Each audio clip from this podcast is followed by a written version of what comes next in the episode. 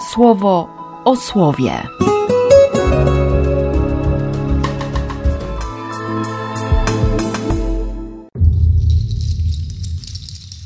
Dwudziesty piąty listopada, piątek.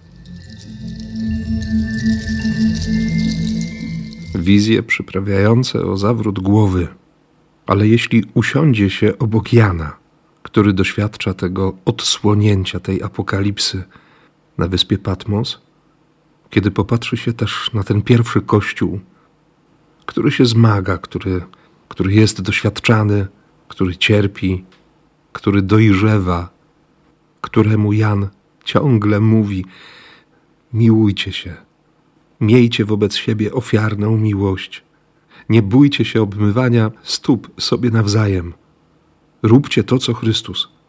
To te wszystkie wizje sądu, te wszystkie przerażające zjawiska one nie odwrócą uwagi od tego, co najważniejsze. To słowo dziś przychodzi do mnie z pytaniem: czy chcę dziś kochać? Czy zrobię dziś wszystko, aby ktoś poznał miłość Boga? Zwyczajnością, wiernością, czy będę dziś łaskawy?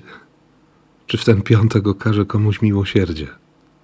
Bo w ostatnich zdaniach dzisiejszego fragmentu Apokalipsy słyszymy o o nowym mieście, o nowej Jerozolimie, która zstępuje od Boga. Jeruszalaim, miasto pokoju. W przeciwieństwie do tego, co mówił o niej Jezus kilka dni temu, w wizji Jana Jerozolima wie, kim jest, zna swoją tożsamość.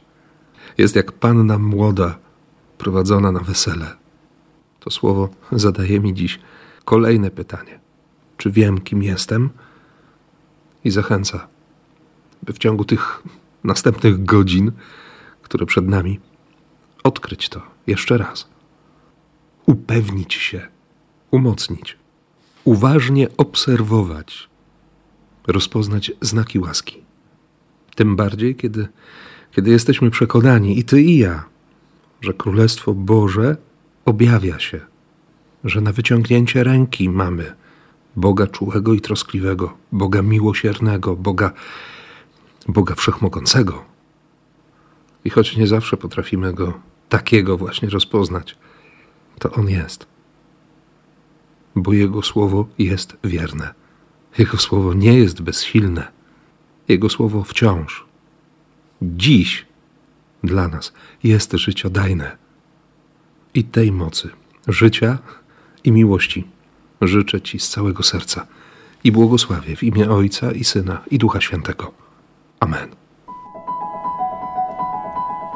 Słowo o słowie.